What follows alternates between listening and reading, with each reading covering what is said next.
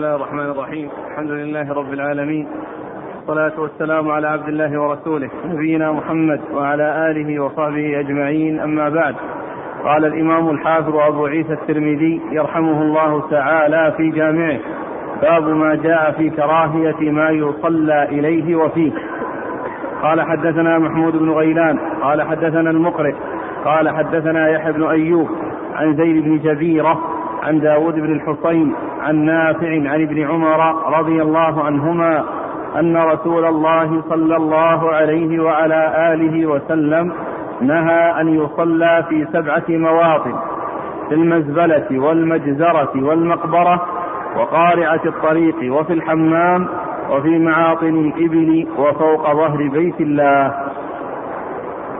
بسم الله الرحمن الرحيم. الحمد لله رب العالمين وصلى الله وسلم وبارك على عبده ورسوله نبينا محمد وعلى آله وأصحابه أجمعين. أما بعد فيقول الإمام أبو عيسى الترمذي رحمه الله في جامعه باب كراهية ما يصلى إليه وفيه ما يصلى إليه وفيه ما يصلى إليه أي أنه يستقبل ويقصد بالصلاة إليه وفيه درس لأنه يصلى في ذلك المكان. أو الصلاة في ذلك المكان. فالمقصود من شيئان أحدهما أماكن يعني آه، ينهى عن الصلاة فيها يعني يعني يصلي الإنسان في داخلها وأماكن إذا ينهى عن الصلاة إليها وأن يتجه إليها وأن يقصدها بوجهته في صلاته. وقد ورد أبو عيسى رحمه الله آه، حديث ابن عمر. حديث عبد الله بن عمر رضي الله تعالى عنهما الذي ذكر فيه سبعة مواضع يعني آه، نهي عن الصلاة فيها. وهذا مطابق يعني للترجمة فيما يتعلق بالنسبة للشق الثاني الذي هو فيه. وأما إليه فإنه قد أشار إلى ذلك في آه، ما أشار إليه. بعد ذلك وفيه الصلاة إلى القبور. لا تصلوا إلى القبور ولا تجلسوا عليها. فأشار إلى ذلك إشارة. والذي ذكره في الباب هو ما يتعلق بالظرف وأن النهي عن الصلاة في مكان معين وليس فيه شيء إليه وإنما إليه جاءت عن طريق الحديث التي أشار إليها في ما بعد. وهذه وقد أورد حديث ابن عمر رضي الله عنهما عنهما أن النبي صلى الله عليه وسلم نهى عن نهى أن يصلى في سبعة نهى أن يصلى في سبعة مواطن. المزبلة. المزبلة. والمزبلة هو مكان الزبل وهو الأشياء القذرة ومنها السرجين الذي هو العذرة يعني بحيث آه، تخرج الأشياء من البيوت وتوضع في مكان هذا المكان الذي تضع فيه وهذا الشيء الذي يوضع آه يسمى المزبلة لأن فيها الزبل يعني يوضع فيها الزبل وهو السرجين أو العذرة الأشياء القذرة هذه قالها مزبلة؟ المزبلة والمجزرة. والمجزرة يعني مكان جزر الأنعام. بهيمة الأنعام كالإبل والبقر والغنم وذلك أن فيها النجاسة وفيها الأوساخ. نعم. والمقبرة. والمقبرة يعني أماكن القبور وسواء كان ذلك يعني بين القبور أو في أي مكان منها. يعني وإن لم يكن فيه قبور ما دام أنه تحيط به أسوار المقبرة وجدران المقبرة فإنه لا يصلى في المقبرة مطلقا سواء كانت بين القبور أو في مكان في المقبرة ليس فيه قبور لأنه داخل تحت اسم اسم المقبرة. نعم. وقارعة الطريق. و... ويستثنى من ذلك الصلاة على الجنازة الصلاة على الميت إذا دفن فإنه يعني يصلى عليه في قبره يعني آه، صلاة الجنازة بعد الدفن لأنه جاءت بذلك السنة عن رسول الله صلى الله عليه وسلم. وأما غير الصلاة على القبر فالأصل أن الصلاة تكون في خارج المقابر. تكون في خارج المقابر و آه، بحيث يكون مكان مخصص للصلاة عليها لا يصلي عليها في المسجد فإن ذلك سائر وقد جاءت السنة بهذا وبهذا. لكن المقبرة لا تكون محلا للصلاة على الجنائز ويصلي عليها صح ذلك. ولكن الأولى أن لا تتخذ مكانا بل يتخذ مكان خارجها. وأما بالنسبة للصلاة على القبر بعد الدفن فهذا ثبت في السنة عن رسول الله صلى الله عليه وسلم. و قارعة الطريق. وقارعة الطريق يعني آه آه المكان المطروق الذي آه وهي جادة التي تمشي فيها الدواب تمشي فيها البهائم كالحمير والبغال والإبل والبقر والغنم. يعني هذه الجادة التي تسلك ويسلكها الركبان على الحمير وعلى الدواب فإنها عرضة لحصول النجاسات. يعني مما مما بوله نجس وروثه نجس. وأما ما كان بوله طاهرا وروثه طاهرا كالإبل والبقر والغنم فهذا لا يؤثر. وإنما التأثير في الدواب الأخرى التي آه، أبوالها نجسة وارواثها نجسة. نعم. وفي الحمام. وفي الحمام وهو مكان الاستحمام المكان الذي يكون فيه الاستحمام وذلك لما يحصل فيه من القدر. والمقصود من ذلك المكان الذي يغتسل فيه ويستحم فيه لأنه مأخوذ من من من الحميم وهو الماء الحار الذي يستحم به. فيقال له الحمام فالصلاة فيه كذلك لأنه عنها في هذا الحديث وفي غيره. نعم. وفي معاطن الإبل. وفي معاطن الإبل المكان الذي آه، تبرك فيه آه، في عند عند شربها وبعد شربها وعند ورودها الماء. تشرب ثم تبرك في مكان قريب منه وهذا يقال له معاطن. المعاطن وهي الأماكن التي تبرك فيها الإبل عند ورودها الماء فإنها تشرب ثم تبرك في معاطنها فإنه لا يصلى فيها. نعم. وفوق ظهر بيت وفوق ظهر بيت الله يعني فوق الكعبة. يعني فوق الكعبة. وقالوا لأن الإنسان لا يستقبل شيئا لأن الكعبة تحته وهو لا يستقبل منها شيئا. ومعلوم أن صلاة النافلة تصح في داخل الكعبة. وأما الفريضة فإنه لا يصلى فيها لا يصلى فيها الفرض. وأما فوق ظهرها فإن إن حصلت الصلاة فإنها تصح لأنها مثل مثل ما لو صلى الإنسان إلى مكانها إلى مكانها مكان الكعبة مثل لما لو صلى الإنسان متجه إلى المكان الذي آه لم آه لم يبني من الحجر. فإن صلاته صحيحة لأنه جزء من الكعبة. وإن لم يكن فيه بنيان. فلأن الإنسان اتجه يعني من الخارج إلى باب الحجر مقابل له الباب الدخول وباب الخروج. يعني هما بابان متقابلان. فإنه يصلي إلى غير إلى غير بنيان. وإنه يصلي إلى فضاء. يصلي إلى فضاء. فهذا مثل مثل ذلك. لو حصلت الصلاة يعني فوقها بالنسبة للنافلة فإنها تصح. أما بالنسبة للفريضة فإنه لا لا لا يصلى الفر في داخل الكعبة وإنما يصلى في داخلها النفل والحديث الذي ورد حديث ضعيف. ولكن بعضه بعض ما جاء فيه ورد فيه أحاديث أخرى ثابتة عن رسول الله صلى الله عليه وسلم. أما فيما يتعلق بالنسبة للمقبرة والحمام فقد سبق أن مر بنا الحديث الذي في ذلك وفي معاطن الإبل سيأتي الحديث يعني في ذلك وفيما يتعلق بالمجزر بالمزبلة معلوم أن فيها النجاسات ومعلوم أنه لا يجوز أن يصلى في مكان نجس أو متنجس وكذلك أيضا المجزرة يعني ما فيها من من الدماء وكذلك آه قارعة الطريق. قارعة الطريق لما فيها من من آه، آه، وجود النجاسات ولما فيها أيضا من الازعاج للمصلي. يعني يصلي كان يصلي ثم جاءت في الابل أو جاءت في الدواب أو جاءه يعني هذا يؤثر ذلك عليه في صلاته. فلا يصلى فيها. نعم. اذا يبقى بس فوق ظهر بيت الله. فوق ظهر بيت الله هو الذي يعني ما نعلم شيء يدل عليه بخصوصه وهو الصلاة فيه مثل الصلاة إلى غير إلى غير استقبال بل استقبال المكان. لأن الإنسان كما أشرت لو صلى مستقبلا باب الحجر هو خارج الحجر لكن مستقبل باب الحجر. وأمام أمام كل فضاء حتى من وراء الحجر من هناك كله طافي أمامه.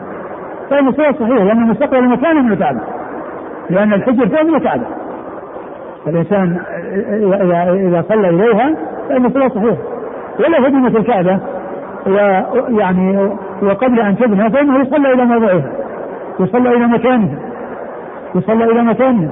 وفي آخر الزمان إذا إذا هدم الكعبة في سويقتين فإن الناس يصلون إلى مكانها. فالحاصل أنه فقد حرمة الله لا نعلم دليلا يعني يدل على منعه والحديث الذي ورد آه هذا الذي أورده المصنف هو حديث ضعيف لأن فيه زيد بن جبيرة وهو متروك. نعم.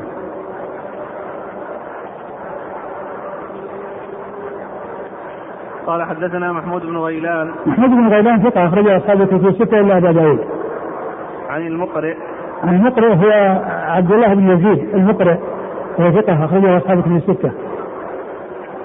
عن يحيى بن أيوب. عن يحيى بن أيوب وهو صديق أخرجه أصحاب في الستة.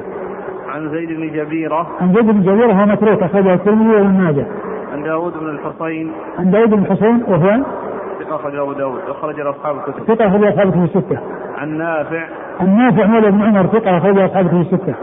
عن عبد الله بن عمر بن الخطاب رضي الله عنهما أحد العبادلة من الصحابة وأحد السبع المعروفين بكثرة الحديث عن النبي صلى الله عليه وسلم.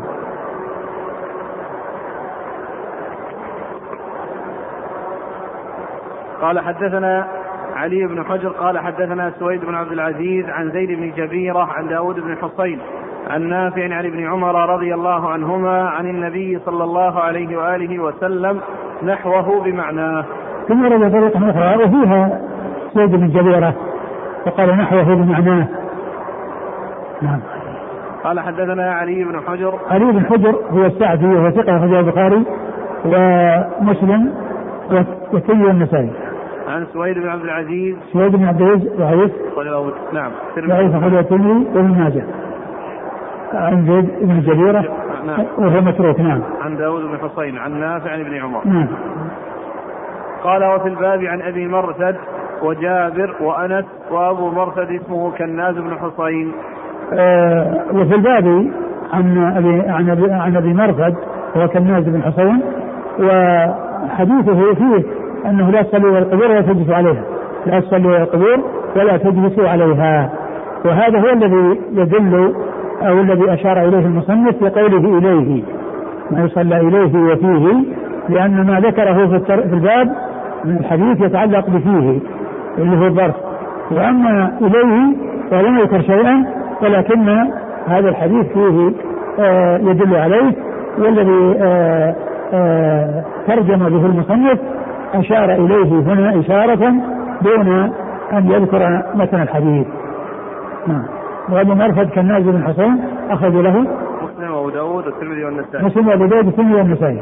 وجابر. وجابر بن عبد الله الأنصاري رضي الله عنهما أحد السبعة المعروفين بكثرة الحديث عن النبي صلى الله عليه وسلم. وأنس. وأنس بن مالك رضي الله عنه خادم النبي صلى الله عليه وسلم وأحد السبعة المكثرين من أصحاب النبي صلى الله عليه وسلم. قال أبو عيسى وحديث ابن عمر إسناده ليس بذاك القوي وقد تكلم في زيد بن جبيرة من قبل حفظه. نعم. قال أبو عيسى وزيد بن جبير الكوفي أثبت من هذا وأقدم وقد سمع من ابن عمر قال إيش؟ وزيد بن جبير الكوفي نعم. أثبت من هذا وأقدم وقد سمع من ابن عمر إيش قال فيه؟ ثقة أخرجه أصحاب الكتب بالمناسبة يعني إيه وزيد بن جبير إيه. لأن على أساس جبيرة نعم جبيرة وجبير نعم هذا ذكر من أجل ال- ال- التنظير والتقارب يعني في ال- في الألفاظ والذي يسمى من قبيل المشتبه المشتبه وهو جبير وجبير وجبيرة. هذا هو المشتبه. نعم. هذا ليس له علاقة في الحديث وإنما ذكر من أجل التشابه بينهم في اسم الأب وهذا يسمونه مشتبه. يعني و- الذي آه، آه، ويقال له المؤتلف والمختلف ما يعني يتفق من حيث الرسم ويختلف من حيث النطق. أما بالشكل وأما بالنقط أما بالشكل وأما بالنقط هذا قال له مؤتلف ومختلف وقال له متشابه. نعم. وقد روى الليث بن سعد هذا الحديث عن عبد الله بن عمر العمري عن نافع عن ابن عمر عن عمر رضي الله عنهما عن النبي صلى الله عليه وسلم مثله. وحديث داود عن نافع عن ابن عمر عن النبي صلى الله عليه وسلم أشبه وأصح من حديث الليث بن سعد. نعم وش الأسماء؟ وقد روى الليث بن سعد. الليث بن سعد المصري ثقة فقيه أخرج له أصحاب كتب الستة. هذا الحديث عن عبد الله بن عمر العمري. عبد الله بن عمر العمري وهو مكبر وهو ضعيف. أخرج له مسلم وأصحاب السنة. مسلم وأصحاب السنن عن نافع عن ابن عمر عن عمر. عن نافع عن ابن عمر عن عمر يعني معناه أنه من مسند عمر. نعم. وحديث داود عن نافع عن ابن عمر عن النبي صلى الله عليه وسلم أشبه وأصح من حديث الليث بن سعد. وحديث داود عن نافع نعم. عن ابن عمر. يعني داود الذي هو الذي مر يعني أشبه يعني من ناحية أن أن الفرق بينهم يعني كلها ضعاف ولكن بعضها أشبه من بعض. ولكن يعني كما هو معلوم آه، زيد بن جبيرة متروك وأما هذا فهو ضعيف الذي هو عبد الله آه، العمري. وعبد الله بن عمر العمري ضعفه بعض أهل الحديث من قبل حفظه منهم يحيى بن سعيد القطان. يحيى بن سعيد القطان ثقة أخرج أصحاب الكتب الستة. الله إليك. يقول السائل هل من صلى في هذه المواطن السبع صلاته باطلة؟ ال- نعم فيما يتعلق بالأشياء التي ورد فيها يعني منع. مثل المقبرة والحمام وكذلك المزبلة يعني مكان نجس والمجزرة يعني الذي هي أماكن ال- ال- الدماء وكذلك معاطن الإبل لأنه ورد فيها النهي و وش بقي؟ ما الطريق. قارعة الطريق. قارعة الطريق. قارعة الطريق هي مظنة النجاسة وأيضا يعني ما فيها من ال- الإزعاج. و يعني يبدو أنها أخف من غيرها وأن الصلاة فيها يعني لو حصلت الإنسان يصلى في الطريق فالصلاة صحيحة. أقول فالصلاة صحيحة. وفوق بيت الله ثم يتعلق بفرض لا يصلى فيه والنفل إذا وقع فإنه يصح. يقاس على من صلى يعني إيش؟ فوق ظهر بيت الله. يعني مثل الصلاة داخل الكعبة؟ نعم. مثل داخل الكعبة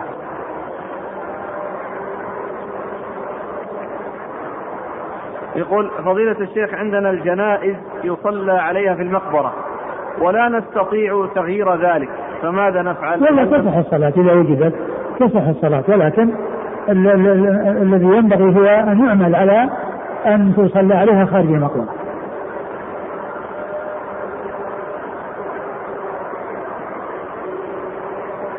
لا يقال ان من صلي عليه داخل المقبرة ما صلي عليه.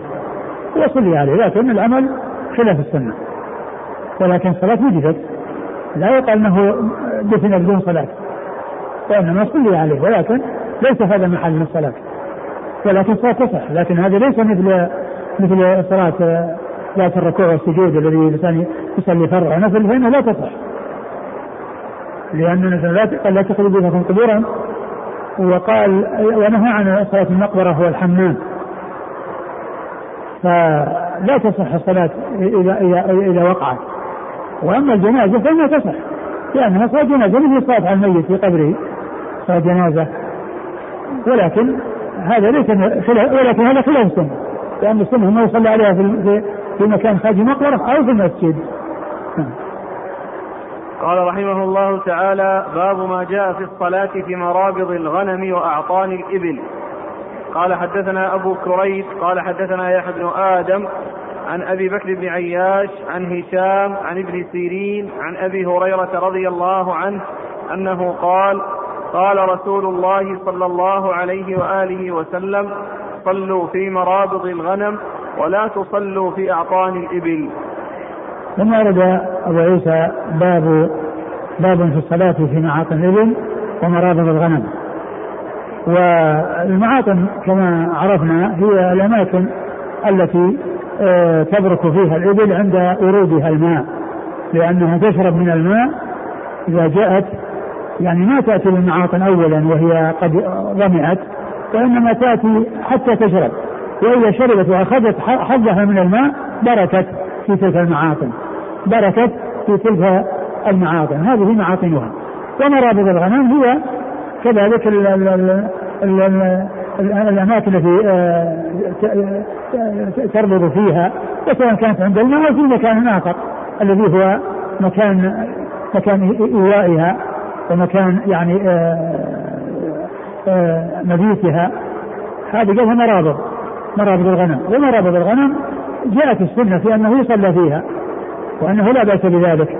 وأما معاطن الإبل فقد جاء النهي في ذلك فقد جاء النهي في ذلك عن رسول الله صلى الله عليه وسلم في هذا الحديث الذي هو حديث حديث أبي هريرة. حديث أبي هريرة.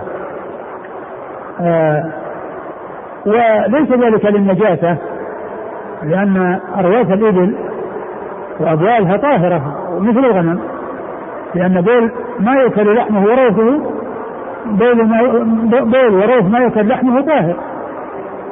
فالرسول صلى الله عليه وسلم رخص للعرانيين أن يشربوا من أبوال الإبل وأن يستشفوا بها. والاستشفاء لا يكون بحرام والتداوي لا يكون بحرام فهذا يدل على طهارتها وأنها غير نجسة. يعني بول ما يؤكل لحمه وروثه البول والروث كل من ذلك طاهر.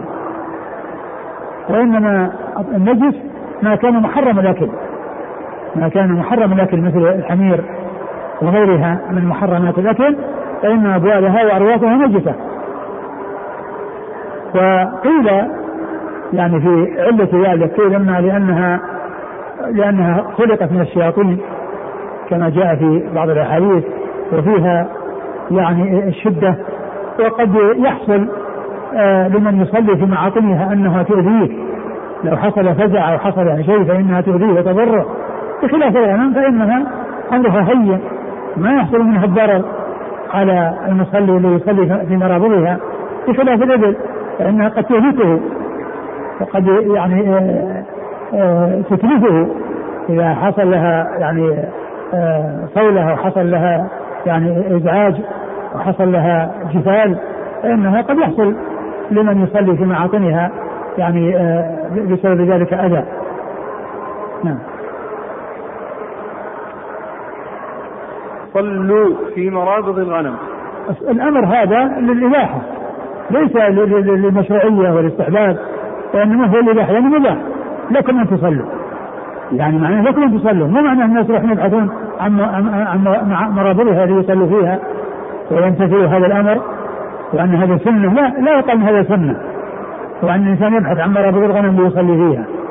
ولكن للإباحة يعني من الجائز لكم أن تصلوا. لكم أن تصلوا. هذا هو معناه. نعم. ولا تصلوا في أعطان الإبل. ولا تصلوا في أعطان الإبل. يعني معناه رخص لهم في هذا ولم يرخص لهم في هذا. رخص لهم هنا ولم يرخص لهم هناك. نعم. قال حدثنا أبو كريب. وهذا وهذا وهذا وهذا الأمر للإباحة. والأمر للإباحة أحيانا يكون إذا جاء بدل الحظر إذا جاء بعد الحظر النهي بعد الإباحة بعد الحظر يكون للإباحة مثل وإذا حللتم فاصطادوا. وإذا حللتم فاصطادوا. لأن الناس منعوا من الاصطياد ما داموا محرمين. وإذا حلوا من إحرامهم أبيح لهم يصطادوا ورجع الأمر إلى ما كان عليه قبل التحريم. قبل الإحرام. ولكن ليس من ذلك الناس مأمورين إذا حلوا يروحون يصيدون إذا حلوا من إحرامهم خلاص ينتشرون يبحثون عن الصيد. ليس هذا يعني آه، آه، استحباب أو سنة أو تشريع لهم بأن يفعلوا. وإنما أبيح لهم شيء منعوا منه فعاد عاد ذهب المنع وعادت الإباحة التي كانت موجودة من قبل. لأنه قبل ما كان هناك أمر بالاصطياد الناس ما هم أمروا بالاصطياد أبيح لهم الاصطياد قبل أن يدخلوا في الإحرام مباح لهم الاصطياد فإذا انتهى من الإحرام عاد لهم إباحة الاصطياد الإباحة. مو معنى في حالة فاصطاد يعني خلاص مشروع الإنسان إذا انتهى من الإحرام انه يبحث عن الصيد يصيد والحجاج راح يبحثون عن صيد يصيدون لا. يعني المقصود من ذلك الإباحة. فكذلك هنا هذا إباحة. نعم. حدثنا قال حدثنا أبو كريب أبو كريب محمد بن العلاء بن كريب ثقة أخرجه أصحاب كتب الستة. عن يحيى بن آدم يحيى بن آدم ثقة أخرجه أصحاب كتب الستة. عن أبي بكر بن عياش عن أبي بكر بن عياش وهو ثقة أخرج البخاري ومسلم في المقدمة وأصحاب السنن. ثقة أخرجه البخاري ومسلم في المقدمة وهو أصحاب السنن. عن هشام عن ابن سيرين. عن هشام الدستوائي هشام بن حسان. هشام بن هشام بن حسان وهو ثقة أخرجه أصحاب في الستة عن محمد بن سيرين وهو ثقة أخرجه أصحاب في الستة عن أبي هريرة. عن أبي هريرة عبد الرحمن بن صخر الدوسي رضي الله عنه أحد السبع المعروفين بكثرة الحديث وهو أكثرهم حديثا. قال حدثنا أبو كريب قال حدثنا يحيى بن آدم عن أبي بكر بن عياش عن أبي حصين عن أبي صالح عن أبي هريرة رضي الله عنه عن النبي صلى الله عليه وآله وسلم بمثله أو بنحوه ثم ورد الحديث من طريق أخرى وقال بمثله أو نحوه. يعني بمثله يعني معناه أن اللفظ مطابق. أو بنحوه يعني معناه أن المعنى واحد ولكن لفظ فيه تغيير. وهذا شك هل هو بمثله أو هو في نحوه. نعم. قال حدثنا أبو كريب عن يحيى بن آدم عن أبي بكر بن عياش عن أبي حصين. أبي حصين هو هو عثمان بن عاصم. نعم. عثمان بن عاصم ثقة أخرجه أصحاب كتب الستة. عن أبي صالح. عن أبي صالح وإذا كان السمان ثقة أخرجه أصحاب كتب الستة. عن أبي هريرة. نعم. قال وفي الباب عن جابر بن سمرة. جابر بن سمرة أخرج حديث أصحاب كتب الستة. والبراء. والبراء بن عازب أخرج حديث أصحاب كتب الستة. وسبرة بن معبد الجهني. وسبرة بن معبد الجهني أخرج حديثه. البخاري تعليقا ومسلم وأصحاب السنة. البخاري تعليقا ومسلم وأصحاب السنة. وعبد الله بن مغفل. وعبد الله بن مغفل أخرج حديث أصحاب كتب الستة. وابن عمر وأنس. وابن عمر وأنس مر ذكرهما قال أبو عيسى حديث أبي هريرة حديث حسن صحيح. وعليه العمل عند أصحابنا وبه يقول أحمد وإسحاق. أصحابنا لأن أهل الحديث. وبه يقول أحمد وإسحاق وهم أهل الحديث. وأحمد هو ابن محمد بن حنبل الشيباني الإمام الفقيه أحد أصحاب المذاهب الأربعة المشهورة مذاهب أهل السنة وحديثها أخرجها أصحاب في ستة وإسحاق هو ابن إبراهيم ابن راهوية الحنبلي. آه، ثقة أخرجها أصحاب الكتب الستة إلا ابن ماجه.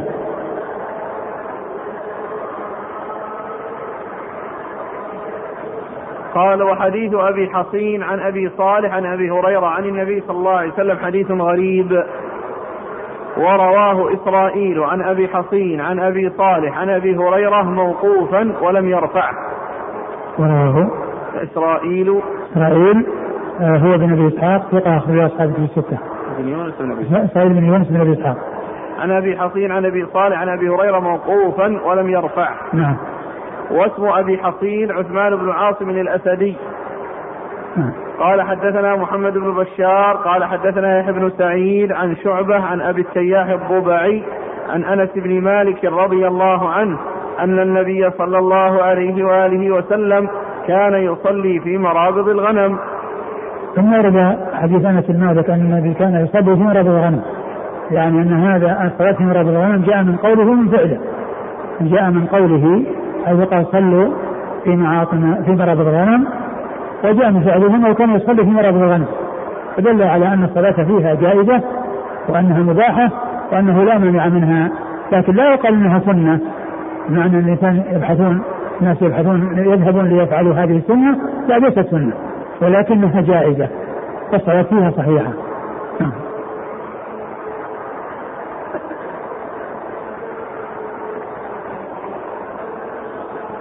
قال حدثنا محمد بن بشار محمد بن بشار هو الملقب بن دار ثقة أخرجه أصحاب الكتب الستة هو شيخ لأصحاب الكتب الستة.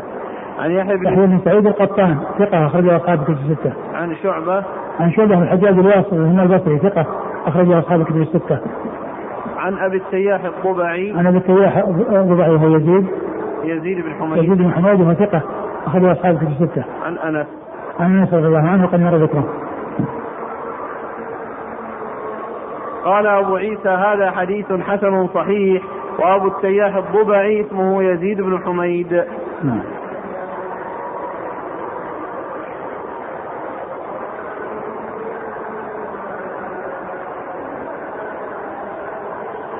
الله إليك. يقول حفظك الله عندنا في بلدنا نخرج أحيانا إلى الصحراء وإذا نزلنا فإننا ننزل عند الشجر الكبير لنستظل به ونتقي الريح. وهذه الأماكن غالبا ما تكون أماكن مبارك للإبل لكنها مؤقتة أحيانا فتكون قديمة فهل هذا يشمله النهي؟ ما يصل لأن المبارك المعاطن هي التي تكون عند ال عند ال عند ال عند ورودها للماء يعني تبرك فيها وتعطن فيها وأما قضية مجرد مبرك إبل لو كان يعني قد برك فيه بعير هذا لا يؤثر.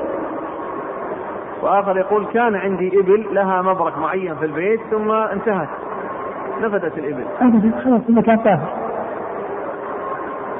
يقول ينقل عن الحافظ بن حجر أن سبب النهي عن الصلاة في معاطن الإبل لكونها حيوان من الشيطان أو من الشياطين خلافا للغنم فهي من حيوان الجنة. هو جاء إنها خلقت من الشياطين. والغنم حيوان الجنة. ما ادري عن عن ثبوته. وهذا يسأل عن صحة حديث عن البراء قال سئل النبي صلى الله عليه وسلم عن الصلاة في مبارك الإبل فقال لا تصلوا في مبارك الإبل فإنها من الشياطين. الذي يذكر أن فيه أن كلمة الشياطين أنها وردت. بس هذا نهى عنه عن البراء. عن البراء. ولا عزاه يقول أن عند أبي داود. إيه. نعم نعم قال رحمه الله تعالى باب ما جاء في الصلاة على الدابة حيثما توجهت به. قال حدثنا محمود بن غيلان قال حدثنا وكيع ويحيى بن آدم قال حدثنا سفيان عن أبي الزبير عن جابر رضي الله عنه أنه قال بعثني النبي صلى الله عليه وآله وسلم في حاجة فجئت وهو يصلي على راحلته نحو المشرق والسجود أخفض من الركوع. ثم رد أبو عيسى رحمه الله باب الصلاة على الراحلة حيثما توجهت. نعم. آه آه هذا في النفل يعني أنه يصلى على الرواحل أينما توجهت سواء كان متجه للشرق أو الغرب أو سواء جهة القبلة أو جهة القبلة وهذا بالنسبة للنافلة. وأما بالنسبة للفريضة فإنه إذا جاء وقتها فإنه ينزل ويصلي. ولا يصلي النافلة ولا يصلي الفريضة وهو على على على الراحلة إلا إذا كان مضطرا. عنده اضطرار ما في بأس يعني حيث لا يمكن النزول أو يكون يعني مثلا الأمر يعني فيه خوف شديد وأنه يعني جددوا السير ولو نزلوا لصار عليهم خطر. أو مثل الطائرة مثل الذي سيخرج الوقت قبل أن يعني يصلوا فإنهم يصلون إلى جهة القبلة مثلا في الطائرة اذا اذا إذا تيسر لهم ذلك وان لم يتيسر لهم ذلك فانهم يصلون على حسب أحوالهم. ولا يؤخر الصلاة حتى حتى يخرج الوقت. لا تؤخر الصلاة عن وقتها بل الإنسان يصلي على حسب حاله في الوقت ولا يؤخرها عن وقتها. ف صلاة الرسول صلى الله عليه وسلم على الراحلة إنما هو في النافلة كل النوافل يصلى عليها ولا ينزل الا الفريضة. والوتر كذلك يصلى على الراحلة كما يصلى عليه بقية النوافل. ولكن الذي ينزل من أجله هو الفرض فقط. و ولكن جاء في سنن أبي داود أن أنه عند ابتداء الصلاة يتجه إلى القبلة. ثم بعد ذلك يتجه إلى وجهته. يعني عند ابتداء الصلاة النافلة أو عند التنفل يصلي متجها القبلة يعني يستقبل القبلة ثم يحرف دابته إلى الوجهة التي يريد. هذا يعني جاء في سنن أبي داود. وأما هنا ذكر الأمر مطلق أنه يصلي حيثما توجهت وفي سنن أبي داود بيان أن البدء يكون إلى جهة القبلة ثم يكون الاتجاه إلى الوجهة التي يريد. من أي جهة كانت شرقا أو غربا أو جنوبا أو شمالا مستقبلا القبلة وغير مستقبل. نعم. الحديث اللي في أبي داود على الوجوب. يعني يجب يستقبل أول شيء ولا مستحب؟ لا هو هو جاء أنه كان يفعل كذا. أنه كان يفعل كذا. فإذا يفعل يفعل. لو أن الانسان لو أن الإنسان ابتدأ الصلاة من أولها النافلة لغير القبله تصح؟ ولا هو يفعل يعني ما في ما في شيء وين فيه أنه كان أنه يستقبل كذا أنه في أول القبلة لكن كونها تبطل الصلاة إذا لم يستقبل لأن الحديث هذا حديثات مطلقة. ولكن يعني يدل على أن الإنسان يفعل ذلك. لكن لو لم يفعل يقال صلاته غير صحيحة ما ما أعلن على شيء في هذا. عن جابر رضي الله عنه قال بعثني النبي صلى الله عليه وسلم في حاجة فجئت وهو يصلي على راحلته نحو المشرق والسجود أخفض من الركوع. يعني معناه السجود والركوع بالإيمان. يعني يومي في ركوعه وسجوده والسجود أخفض من الركوع. قال حدثنا محمود بن غيلان عن وكيع محمود بن غيلان مر ذكره وكيع هو من جراح الرؤاسي ثقة أخرجه أصحابه في الستة. ويحيى بن آدم نعم يحيى بن آدم مر ذكره. عن سفيان عن أبي الزبير. سفيان هو الثوري سفيان بن سعيد بن الثوري ثقة فقيه أخرجه أصحابه في الستة. عن أبي الزبير محمد بن مسلم بن تدرس وهو صدوق أخرجه أصحابه في الستة. عن جابر عن جابر رضي الله عنه وقد مر ذكره. قال وفي الباب عن أنس مر ذكره وابن عمر وأبي سعيد. أبو سعيد هو سعد بن مالك بن سنان الخدري أحد السبع المعروفين بكثرة الحديث عن النبي صلى الله عليه وسلم. وعامر بن ربيعة. وعامر ربيعة اخرج أصحاب الكتب الستة. قال أبو عيسى حديث جابر حديث حسن صحيح. نعم. وقد روي هذا الحديث من غير وجه عن جابر والعمل على هذا عند عامة أهل العلم. لا نعلم بينهم اختلافا. لا يرون بأسا أن يصلي الرجل على راحلته تطوعا حيثما كان وجهه إلى القبلة أو غيرها. يعني معناه اتفاق مسألة إجماع. أحسن عليك هذا سفر وحضر؟ لا في السفر فقط أما في الحضر لا يتنفل في الحضر على الدابة وإنما يتنفل في السفر.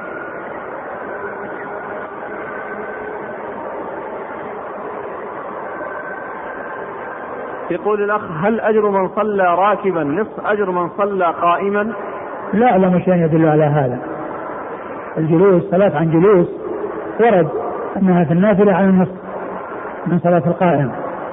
جاءت السنة بذلك. وأما الصلاة على الراحلة هل هي على النصف أو مثل أو ما إلى ذلك لا أعلم في ذلك شيئا. يدل عليه.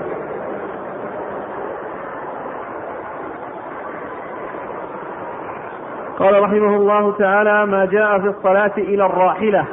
قال حدثنا سفيان بن وكيع. قال حدثنا أبو خالد الأحمر عن عبيد الله بن عمر عن نافع. أبي خالد.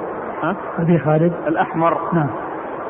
عن عبيد الله بن عمر عن نافع عن ابن عمر رضي الله عنهما أن النبي صلى الله عليه وآله وسلم صلى إلى بعيره أو راحلته وكان يصلي على راحلته حيثما توجهت به. ثم أورد أبو عيسى بالصلاة إلى الراحلة الصلاة إلى الراحلة يعني يكون يجعلها سترة يستقبلها يجعلها سترة له اتخاذها سترة. يعني هذا هو المقصود من هذه الترجمة الصلاة إليها أي يعني يستتر بها ويجعلها سترة له. هذا هو المقصود من الحديث من الترجمة. وقد أورد فيه هذا الحديث أن النبي صلى الله عليه وسلم كان يصلي إلى راحلة بعيره أو راحلته يعني شك من الراوي هل قال بعيره أو راحلته. ومعلوم أن البعير الراحلة هي البعير والبعير هو الراحلة. ويقال للراحلة راحلة لأنها ترحل ويوضع عليها الرحل. آه ويصلي أينما توجهت به. وهذا يدل الترجمة السابقة. وهذا يتعلق بالترجمة السابقة. ولكن الترجمة هذه أول الحديث هو الذي شاهد لها ودليل عليها وهو أنه يعني يستتر براحلته. يعني يجعلها سترة له يصلي إليها. نعم. أن النبي صلى الله عليه وسلم صلى إلى بعيره أو راحلته وكان يصلي على راحلته حيثما توجهت به. يعني شيئان يعني شيئان يعني الأول الثاني هو الذي جاء في الباب السابق وهذا هو الأول هو مطابق الترجمة. يجعلها سترة. سترة نعم يصلي بها يجعلها سترة يعني ما يمر أحد بينه وبينه مع أنه يمكن اتخاذ شيء آخر أو في حكمة أخرى ممكن لكن هذا يدل على انه أن هذا جائز وأنه يتخذ سترة. بعض الناس بيطبق السنة إذا نزل يحط السيارة قدامه يصلي اليها. آه السترة كما هو معلوم تكون بأي شيء يعني سيارة أو غير سيارة لكن ما يقال انها إن الإنسان سنة إن الإنسان يصلي الراحله السنة انه يصلي إلى سترة. راحلة وغير راحلة. قال حدثنا سفيان بن وكيع. سفيان بن وكيع آه، صدوق آه، آه، كان له وراق أدخل عليه ما ليس منه فنصح فلم ينتصح فسقط حديثه. هكذا قال الحافظ بن حجر وقد أخرج حديثه. الترمذي وابن ماجه. الترمذي وابن ماجه. إلا أن الحديث ثابت في صحيح البخاري. جاء في صحيح البخاري يعني أنه كان يصلي إلى راحلته أو يصلي إلى بعيره والحديث ثابت. نعم عن أبي خالد الأحمر. عن أبي خالد الأحمر هو سليمان بن حيان وهو صدوق أخرجه أصحاب في الستة. عن عبيد الله بن عمر. عبيد الله بن عمر العمري المصغر وهو ثقة أخرجه أصحاب في الستة. عن نافع عن ابن عمر. عن نافع مولى ابن عمر عن ابن عمر وقد مر ذكرهما. قال أبو عيسى هذا حديث حسن صحيح وهو قول بعض أهل العلم لا يرون بالصلاة إلى البعير بأسا أن يستتر به. قال رحمه الله تعالى باب ما جاء إذا حضر العشاء وأقيمت الصلاة فابدأوا بالعشاء. قال حدثنا قتيبة قال حدثنا سفيان بن عيينة عن الزهري عن أنس رضي الله عنه يبلغ به النبي صلى الله عليه وآله وسلم أنه قال إذا حضر العشاء وأقيمت الصلاة فابدأوا بالعشاء. ثم رد أبو عيسى رحمه الله باب إذا حضر العشاء حضر العشاء وقيم الصلاة فابدأوا بالعشاء. فابدأوا بالعشاء.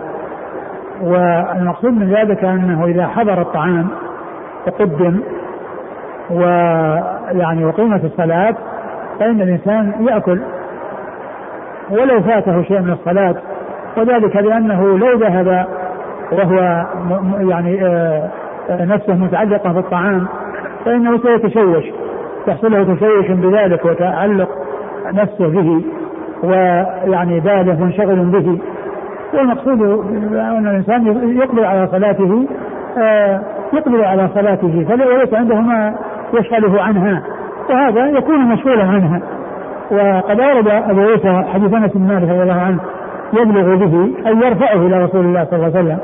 يعني يبلغ به بمعنى يرفعه بمعنى قال قال رسول الله صلى الله عليه وسلم كذا. وهذه العبارة مطلقة يعني آه يحتمل أن يكون سمعت رسول الله صلى الله عليه وسلم كذا ويحتمل أن يكون قال رسول كذا أو ما إلى ذلك لأنها آه، آه، لفظ مطلق يحتمل عدة آه، احتمالات من, الكلام. ولكن المقصود أنه يرفع إلى رسول أنه مرفوع يسنده إلى رسول الله صلى الله عليه وسلم. آه قال إذا حضر إذا اقيمت الصلاة إذا حضر العشاء وأقيم الصلاة فابدأوا بالعشاء. فابدأوا بالعشاء. وذلك ليكون الإنسان آه في حال صلاته وهو مستريح البال غير متشوش غير متعلق قلبه بذلك الطعام الذي قدم وهو بحاجة إليه نعم آه، قال حدثنا قتيبة قتيبة بن سعيد بن جميل بن طريف الإعلاني ثقة أخرجه أصحاب كتب الستة. عن سفيان بن عيينة. سفيان بن عيينة المكي ثقة أخرجه له أصحاب كتب الستة. عن الزهري. عن الزهري محمد بن مسلم بن عبيد الله بن شهاب الزهري ثقة أخرجه أصحاب كتب الستة. عن أنس. عن أنس رضي الله عنه وقد مر ذكره وهذا رباعي هذا من الرباعيات عند الترمذي لأن بينه وبين رسول الله صلى الله عليه وسلم فيه أربعة أشخاص. والترمذي عنده ثلاثي واحد عنده ثلاثي واحد وعنده رباعيات وهذا منها عن أنس يبلغ به النبي صلى الله عليه وسلم نعم. يبلغ به يعني معناه يرفع إلى رسول الله صلى الله عليه وسلم يقول الأخ هل الحكم خاص بصلاة العشاء أم أنه يعم؟ لا يعم أقول يعم الصلوات إذا قدم والناس بحاجة إلى الطعام سواء غداء أو عشاء فإن الحكم واحد. الباب عن عائشة عائشة أم المؤمنين رضي الله عنها وأرضاها الصديقة بنت الصديق وهي واحدة من سبعة أشخاص عرفوا بكثرة حديث النبي صلى الله عليه وسلم. وابن عمر. نعم مر ذكره سلمة بن الأكوع. سلمة الأكوع مر ذكره سلمة. سلمة الأكوع مر ذكره وأم سلمة. أخرج حديث أصحاب كتب الستة. وأم سلمة هي هند بنت أبي أمية. أخرج حديث أصحاب كتب الستة. قال أبو عيسى حديث أنس حديث حسن صحيح وعليه العمل عند بعض أهل العلم من أصحاب النبي صلى الله عليه وسلم منهم أبو بكر وعمر وابن عمر. أبو بكر هو عبد الله بن عثمان. عبد الله هو أبو بكر بن أبي قحافة عبد الله بن عثمان. وهو وهو خليفة رسول الله صلى الله عليه وسلم صاحب المناقب الجمة والفضائل الكثيرة وحديثه عند أصحاب الكتب الستة. وعمر بن الخطاب آه، أمير المؤمنين وثاني الخلفاء الراشدين الهادي المهديين صاحب المناقب الجمة والفضائل الكثيرة وحديثه عند أصحاب الكتب الستة. وابن عمر مر ذكره. وبه يقول أحمد وإسحاق يقولان يبدأ بالعشاء وإن فاتته الصلاة في الجماعة. نعم هذا يقول أحمد وإسحاق. مر ذكرهم. قال أبو عيسى سمعت الجارود يقول سمعت وكيعا يقول في هذا الحديث يبدأ بالعشاء إذا كان طعاما يخاف فساده. وهذا كلام عن وكيع أنه إذا كان يخشى فساده. والظاهر هو القول الأول ليست المسألة معلقة بالفساد وليست خشية على طعام يفسد وإنما المقصود هو يعني كون الإنسان يقبل على صلاته غير متشوش وغير مشغول البال وليس المقصود الخوف على الطعام أنه يفسد. والذي ذهب آه، سمعت يقول سمعت الجارود الجارود هو بن معاذ أخرج حديثه. الترمذي والنسائي. الترمذي والنسائي ثقة أخرج حديث الترمذي والنسائي. والذي ذهب إليه بعض أهل العلم من أصحاب النبي صلى الله عليه وسلم وغيرهم أشبه بالاتباع وإنما أرادوا أن لا يقوم الرجل إلى الصلاة وقلبه مشغول بسبب شيء بسبب شيء. يعني أشبه بالاتباع الذي هو كونه يعني آه، من أجل التشوش وليس من أجل الخوف على فساد الطعام. وقد روي عن ابن عباس أنه قال لا يقوم أو لا نقوم إلى الصلاة وفي أنفسنا شيء. نعم يعني شيء من الحاجة للطعام. يعني كوننا متعلقة النفوس بالطعام. يعني حيث قدم وأحضر نعم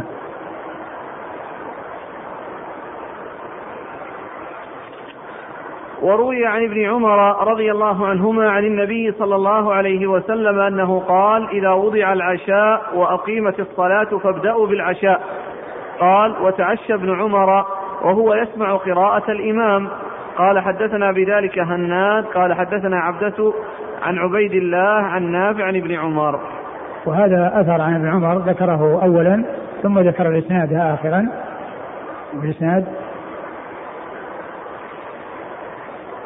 هو في الأول ذكر مرفوع قال وروي عن ابن عمر عن النبي صلى الله عليه وسلم أنه قال إذا وضع العشاء وأقيمت الصلاة فابدأوا بالعشاء. نعم لكن بعد ذلك قال يعني هذا الإسناد اللي بعده نعم. قال وتعشى ابن عمر وهو يسمع قراءة الإمام. نعم. قال حدثنا بذلك هناد هناد بن السري أبو السري ثقة أخرجه البخاري في صحيح أفعال العباد ومسلم وأصحاب السنة.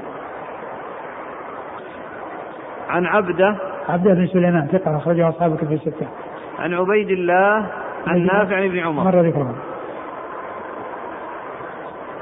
لكن كلام أحمد شاكر يقول الحديث رواه البخاري ومسلم وأبو داود وليس في حديث مسلم القسم الموقوف على ابن عمر من فعله. إيه. صار الحديث كله. كيف؟ يقول الحديث رواه البخاري ومسلم وأبو داود وليس في حديث مسلم القسم الموقوف على على ابن عمر اي نعم مش اللي قبله وروي عن ابن عمر عن النبي صلى الله عليه وسلم أنه قال إذا وضع العشاء واقيمت الصلاة فابدأوا بالعشاء. اي نعم. هذا مثل اللي راح. فيكون الإسناد يعني آه، قصدي مو يصير حديث مرفوع نعم وتابعه نعم. بفعل. اي نعم لكن الأثر هو ذاك الأخير. يكون تعشى تعشى نعم الحديث جميل يقول السائل صلى الله إليك كيف يفعل من دخل إلى المسجد وقت أذان المغرب إلى هذا المسجد وكان صائما. يصلي تحية المسجد أو يفطر؟ يجلس يفطر. الذي يبدو أنه يصلي تحية المسجد أولا ثم يجلس ويفطر لا يجلس حتى يصلي ركعتين. الحين أحسن الله إليك. أجلنا صلاة الجماعة عشان نافل نعم. أحسن الله إليك. أجلنا بس هذا لأن دخل المسجد. إذا دخل المسجد فلا يجلس حتى يصلي ركعتين. طيب يأخذ له تمره هذا إن أكله واقف ما في مشكلة. وإن شربه واقف يصح. طيب هذا بارك الله فيك. يود منكم توجيه لبعض إخواننا يخرجون من الدراسة ويكونون على جوع فينطلقون إلى المطعم ويؤخرون صلاة الجماعة. هذا هذا لا يدخل تحت ما جاء في الحديث لأن الحديث يحضر الطعام وهذا ما حضر هم الذين حضروا إليه.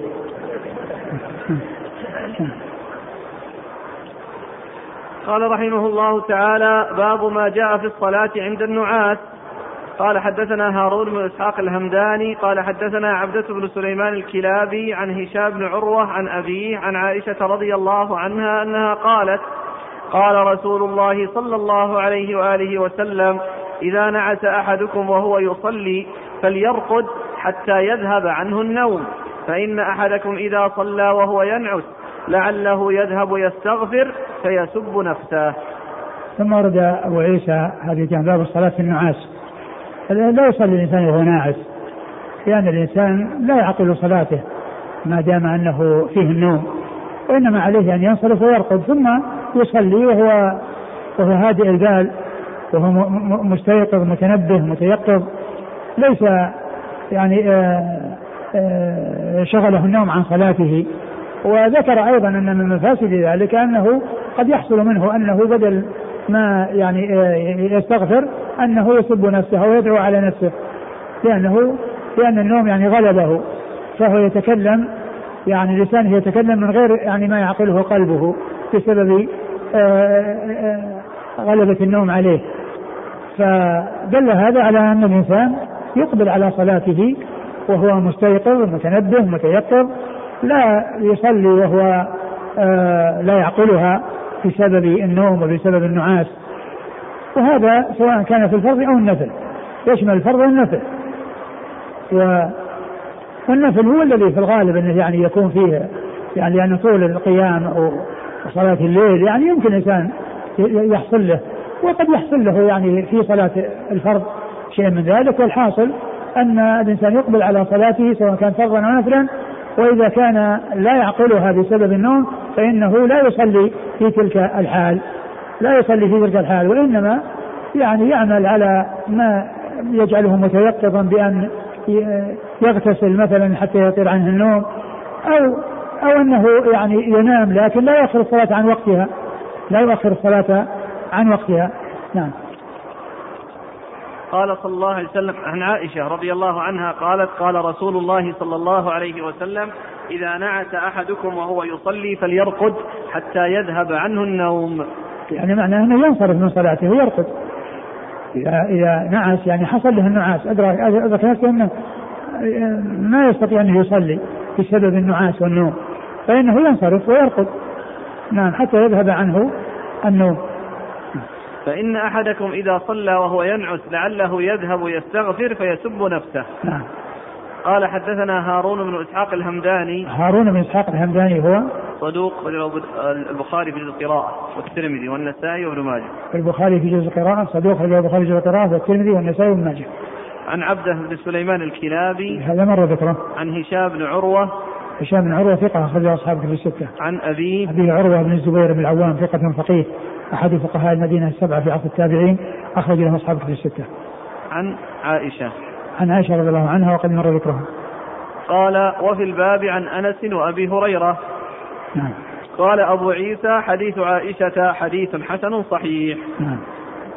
قال رحمه الله تعالى باب ما جاء في من زار قوما لا يصلي بهم قال حدثنا محمود بن غيلان وهناد قال حدثنا وكيع عن أبان بن يزيد العطار عن يبديل بن ميسرة العقيلي عن أبي عطية رجل منهم قال كان مالك بن الحويرث رضي الله عنه يأتينا في مصلانا في يأتينا في مصلانا يتحدث فحضرت الصلاة يوما. فقلنا له تقدم. فقال ليتقدم بعضكم حتى أحدثكم لم لا أتقدم؟ سمعت رسول الله صلى الله عليه وآله وسلم يقول من زار قوما فلا يؤمهم وليؤمهم رجل منهم. قال أبو عيسى هذا حديث حسن صحيح والعمل على هذا عند أكثر أهل العلم من أصحاب النبي صلى الله عليه وسلم وغيرهم. قالوا صاحب المنزل أحق بالإمامة من الزائر. وقال بعض أهل العلم إذا أذن له فلا بأس أن يصلي به. وقال إسحاق بحديث مالك بن الحويرث وشدد في أن لا يصلي أحد بصاحب المنزل وإن أذن له صاحب المنزل. قال وكذلك في المسجد. لا يصلي بهم في المسجد إذا زارهم. يقول ليصلي بهم رجل منهم. انتهى؟ نعم. ثم ورد أبو عيسى باب فيما إذا زار قوما. نعم لا يصلي بهم. لا يصلي بهم يعني لا يتقدمهم في الإمامة وإنما يجعل واحدا منهم يصلي بهم. ولكن لو أذن له ولكن لو أذن له فإنه يجوز. ولكن الأصل أن أن صاحب الدار أحق وأولى. إذا كان يعني أهلا للإمامة فهو أحق وأولى من غيره. ولو كان غيره أقرأ منه وأعلم منه لأن الحقية له. وإذا أذن فإنه يسوق لأنه جاء ما يدل على ذلك. وذلك في حديث حديث آه، أبي, آه، آه، أبي مسعود عقبة بن عمرو الأنصاري البدري الذي فيه أم القوم أقراهم بكتاب الله وهو في صحيح مسلم ولكن اللفظ الذي فيه ذكر الصلاة في في البيت في البيت بإذنه هذا جاء في سنن أبي داود والذي في صحيح مسلم ولا يوم أن الرجل في سلطانه ولا يقعد في بيته على تكريمته إلا بإذنه في ذكر القعود والجلوس هذا في صحيح مسلم. ولكن في آه، سنن أبي داود آه، أنه يعني لا يجلس ولا يصلي في بيته إلا بإذنه. فدل هذا على أن صاحب المكان هو الأولى وهو الأحق وأن غيره لا يصلي إلا بإذنه. وحديث مالك بن الحويرث هنا يعني أمر غيره أن يصلي وحدثهم بالحديث عن رسول الله صلى الله عليه وسلم. ولكن جاء في حديث آه، الحديث عند أبي داود آه، التقييد بأنه إذا حصل الإذن فإن ذلك سائر. نعم.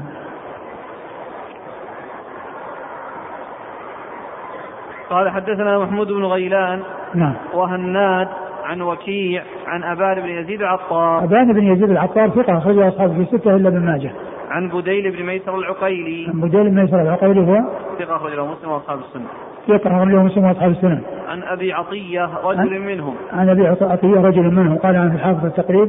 مقبول. أخرج له أبو داود والترمذي والنسائي. أخرجه أبو داود والترمذي والنسائي. عن مالك بن الحويرث. عن مالك بن الحويرث. أخرج حديثه أصحاب كتب الستة. لكن الحديث الذي عند أبي داود هو يدل على ما دل عليه فهو شاهد له.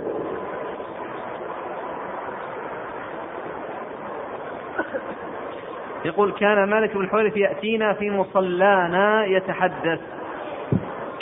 كأن المقصود يعني لعل بالحديث يعني ليس في أمور الدنيا وإنما هي في أمور يعني آه، في علم أو في شيء من ذلك. وأما الأماكن الصلاة فلا يصلح أن تكون محلا لحديث الدنيا. قال أبو عيسى هذا حديث حسن صحيح.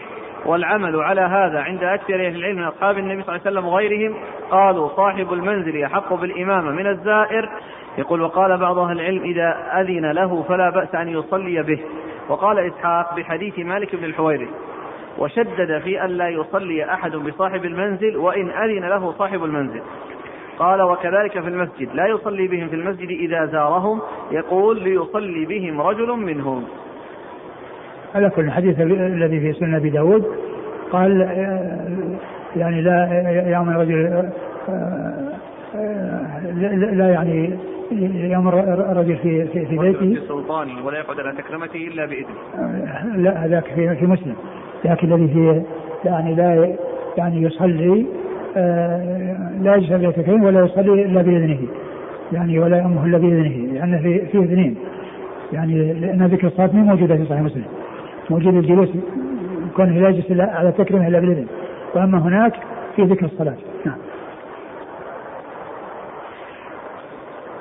باب باب ما جاء في كراهية أن يخص الإمام نفسه بالدعاء. وش راح الرجال كلهم مضوا؟ أي نعم إسحاق ومر معنا. نعم والله أعلم وصلى الله وسلم وبارك على عبده ورسوله نبينا محمد وعلى آله وأصحابه أجمعين جزاكم الله خيرا وبارك الله فيكم ونفعنا الله بما قلتم يقول السائل ما الحكمة من هذا النهي أن لا يصلي الإنسان بمن زاره؟ يعني كان أن, أن هذا الحق هو أصل الأصل أنه حق لهذا صاحب البيت أو للسلطان. السلطان يعني إذا حضر فإنه هو الأحق بالإمامة. السلطان إذا حضر هو الأحق بالإمامة. وصاحب البيت هو أحق بالإمامة في بيته. يعني هذا كان المقصود من ذلك لكونه صاحب صاحب المكان فهو أولى بالإمامة ما يأتي أحد يتقدم عليه. يأتي يتقدم خلاص يقدم نفسه. وكأنه يعني لأن هذا يحتاج إلى إذن من من صاحب المنزل. يحتاج إلى إذن من صاحب المنزل بأن يعني آه، يتقدم أحد. أما أن يأتي هو يتقدم ويقدم نفسه هذا افتيات عليه وإقدام على شيء آه، لم يكن له. والحقية والأولوية إنما هي لصاحب المكان. فإذا أذن له فإنه يتقدم. كما أنه إذا إذا إذا جاء. يعني لا يختار له أي مكان. يعني إذا كان مكان مخصص لأناس. لهم منزل لهم مكانة. يأتي أي واحد يجلس فيه. وإنما يجلس في المكان الذي يقال اجلس هنا. فهو الذي له صاحب المحل هو الذي له يرتب الأماكن. ويجعل من يتقدم. يتقدم ومن يتأخر يتأخر في المكان. فهذا حقه سواء في آه، الجلوس على على في مكانه وعلى فراشه أو في الإمامة في الصلاة في منزله.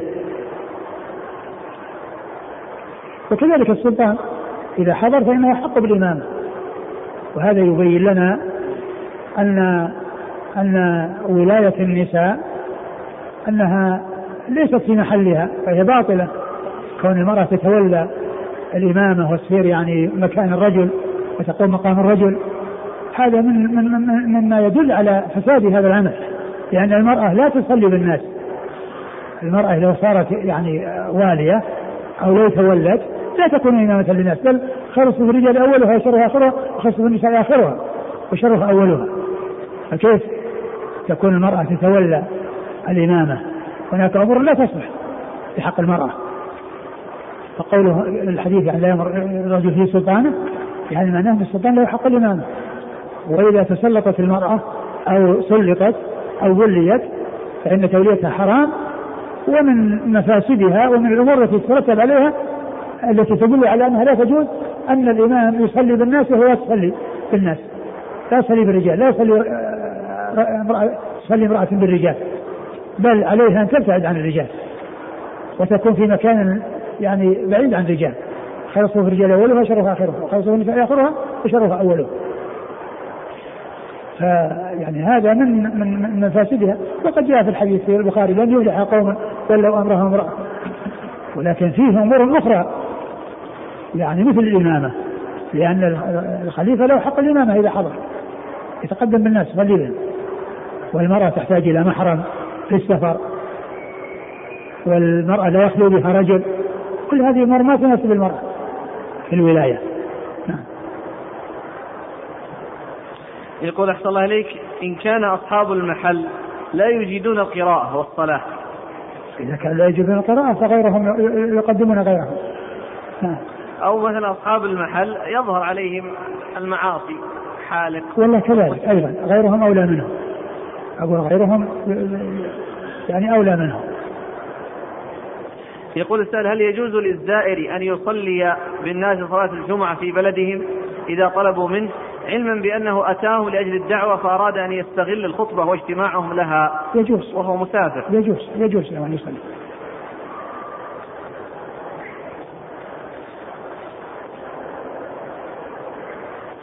يقول هل وردت السنة بالترغيب في تربية الغنم؟ ما يقول كنا في سيارة في سفر وأوشك وقت خروج الصلاة ولا ماء عندنا للوضوء وطلبنا من صاحب السيارة الوقوف أبى ما العمل؟ آه إذا كانوا عدد فيبدو أنه إذا عزموا عليه أنه سيقف لأنه جمعه واحد فلو صاحوا به لوقف لكن يمكن أنهم ما ما يعني ما حرصوا على ذلك يعني أو ما حصل منهم يعني آآ آآ كلام معه بليغ في ذلك وإلا فإنه لو حصل منه وهم جماعة أنهم يعني آآ تكلموا عليه بقوة وبشدة فانه سيقتل الواجب عليهم أن يقتل لكن إذا كان إذا كان هذا شيء لا يمكن ولا يحصل فإن فإنه يجب أن يصلي على حسب الحال ولا تؤخر عن وقتها. يعني يتيمم الإنسان على على أي مكان من الأرض ويصلي. لكن مثل هذه الصورة قلت إنه يمكن أنه يوقف وذلك بالكلام معه بقوة وب يعني تخويفه وزجره وسيقف. لكن الإنسان مثل ما لو كان في الطائرة ووقت يخرج فإنه يجب أن يصلي. ولو كان ما عنده ماء يتيمم على حسب حاله. يتيمم ويصلي فأيما رجل من أمة ذلك الصلاة فعنده مسجد وطهوره يقول صلاة الفريضة في الطائرة هل يصليها وإن علم أنه سيصل قبل خروج الوقت؟ لا إذا كان سيعلم أنه سيصل قبل خروج الوقت يأخذها. هل يجوز لمن يصلي في الطائرة أن ينظر إلى الشاشة التي توضح القبلة في صلاته؟ ينظر إليها في الأول وأن بعد ذلك ينظر إلى مكان سجوده. ينظر إليها قبل أن يصلي. ثم بعد ذلك ينظر إلى مكان سجوده. هل يقاس على النفل سجود التلاوة فيسجد كيفما توجه؟ نعم يمكن. يسجد. يعني إذا كان يعني سجود التلاوة أخف من النفل لأن النفل يعني ما يكون إلا عن طهارة وأما سجود التلاوة يصح أن يكون على غير طهارة. هذا يقول أنا أقرأ وأنا على كرسي وأخشى أن سجدت سجود التلاوة يتسخ تتسخ ثيابي. فهل يعني تتسخ ثيابه؟ أي ها؟ قاعد على الكرسي إذا نزل على القاع. سبحان الله. على كل السجود ما هو بلازم. إن إن إن, إن سجد فحسن وإن لم يسجد فلا إثم عليه. لا هو يريد يسجد لكن بالإيماء على الكرسي ويجعل الكرسي بيوم لا لا, لا لا. يعني يمكن أقول يمكن أن يسجد الإيمان عند الذي لا يستطيع أن يسجد. جزاكم الله خيرا. وإذا اتسخ ثيابه يغسلها بارك الله فيك.